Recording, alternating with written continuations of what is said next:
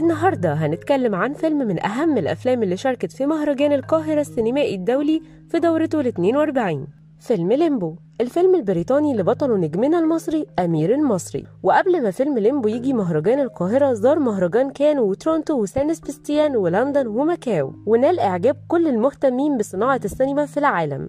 وحصل فيلم ليمبو على جايزة أفضل فيلم وأفضل سيناريو في مهرجان ماكاو السينمائي الدولي. وفيلم ليمبو هو كتابة وإخراج بن شاروك وبطولة الفنان أمير المصري وبيتناول الفيلم أزمة اللاجئين السوريين بشكل مختلف. فعمر بطل الفيلم أسرته كلها أسرة فنية وهو عازف محترف على العود. وبعد ما الحرب بدأت في سوريا هرب وساب البلد وأصبح لاجئ.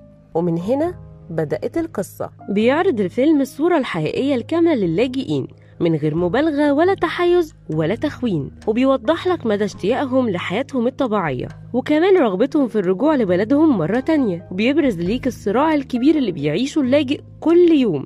سواء من صعوبة الأوضاع وصعوبة التأقلم وكمان نظرة المجتمع ليه. ومن ناحية تانية عمر بطل الفيلم أخوه بيشارك في الحرب وبيتهمه بالخيانة لأنه هرب وساب بلدهم. وبيوريك الفيلم إزاي كلام أسرة عمر زود أكتر من تشتته. أحداث الفيلم سريعة وتناولت قضية اللجوء السوريين من أكتر من زاوية والواقعية كانت السبب في إبهار كل المهتمين بمجال السينما والفن. ولقينا إن كل القائمين على المهرجانات الدولية اتفاجئوا بإبداع الفنان أمير المصري بطل الفيلم وأشاد كتير من النجوم العالميين وصناع السينما من مستواه المبهر وتقمصه للدور وإقناع الجمهور والنقاد بمعاناة اللاجئ السوري وإزاي قدر يوصل قضيته بشكل سلس وقريب من القلب. حتى إن أمير فاز بجائزة أفضل ممثل مقدمة من منظمة جوائز السينما المستقلة البريطانية وكان بينافس على اللقب ده فنانين كبار جدا من هوليود. شارك فيلم ليمبو في مهرجان القاهرة السينمائي في دورته ال 42 وفاز بثلاث جوائز في المهرجان. فاز بجائزة الهرم الذهبي للمهرجان وجائزة الاتحاد الدولي للنقاد فيبريسي وجائزة أفضل إسهام فني بالمسابقة الدولية.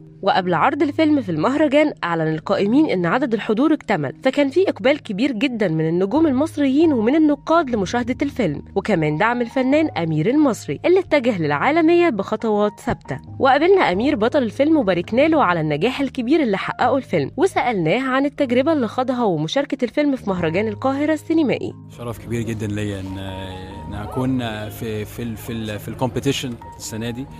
فيلم ليمبو يعني شرف كبير. وكمان إن أنا أكون وسط ناسي وأهلي وأصحابي في مصر. يعني رغم إن الفيلم دخل كان و TIFF و... ولندن فيلم فيست ما فيش شعور زي ده بجد. ورغم مشاركة الفيلم في أغلب المهرجانات الدولية إلا أن مهرجان القاهرة للفنان العربي ليه بصمة مختلفة دايما. كمان عرفنا شوية عن كواليس تصوير الفيلم. آه والله أنا مريت بصعوبات كتير جدا في الفيلم. آه الجو كان برد جدا برد شديد. و... وكمان كنت بعزف العود. اتعلمت العود في شهرين. آه وإيه كمان؟ حاجات كتير أو اللهجة السوري. و... وأنا كنت لابس بس تيشيرت وجاكيت تريننج. فالجو كان صعب.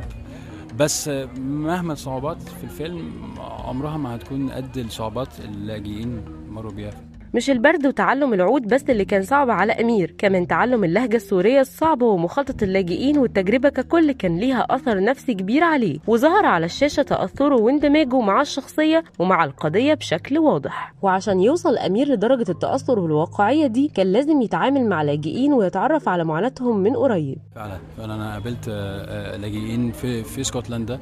قعدت معاهم مرة في الأسبوع.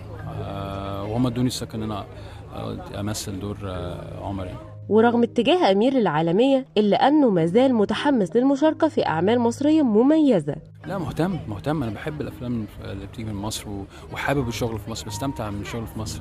هي بس حسب الوقت هي بس التوقيت. أما عن أعمال أمير المصري المستقبلية في هوليود إن شاء الله عندي فيلم ومسلسل بس بره. حصل أمير على دعم وإعجاب النجوم وصناع السينما في مصر فمصر بتقف دايما ورا ولادها وبتدعمهم بكل الطرق في طريقهم للعالمية زي ما عملت مع ابنها عمر الشريف. وبكده تكون حلقتنا عن فيلم ليمبو وعن الفنان أمير المصري خلصت بس فعاليات مهرجان القاهرة السينمائي في نسخته ال 42 لسه ما خلصتش. استنوا الحلقات الجديدة من منصة تالنت ميديا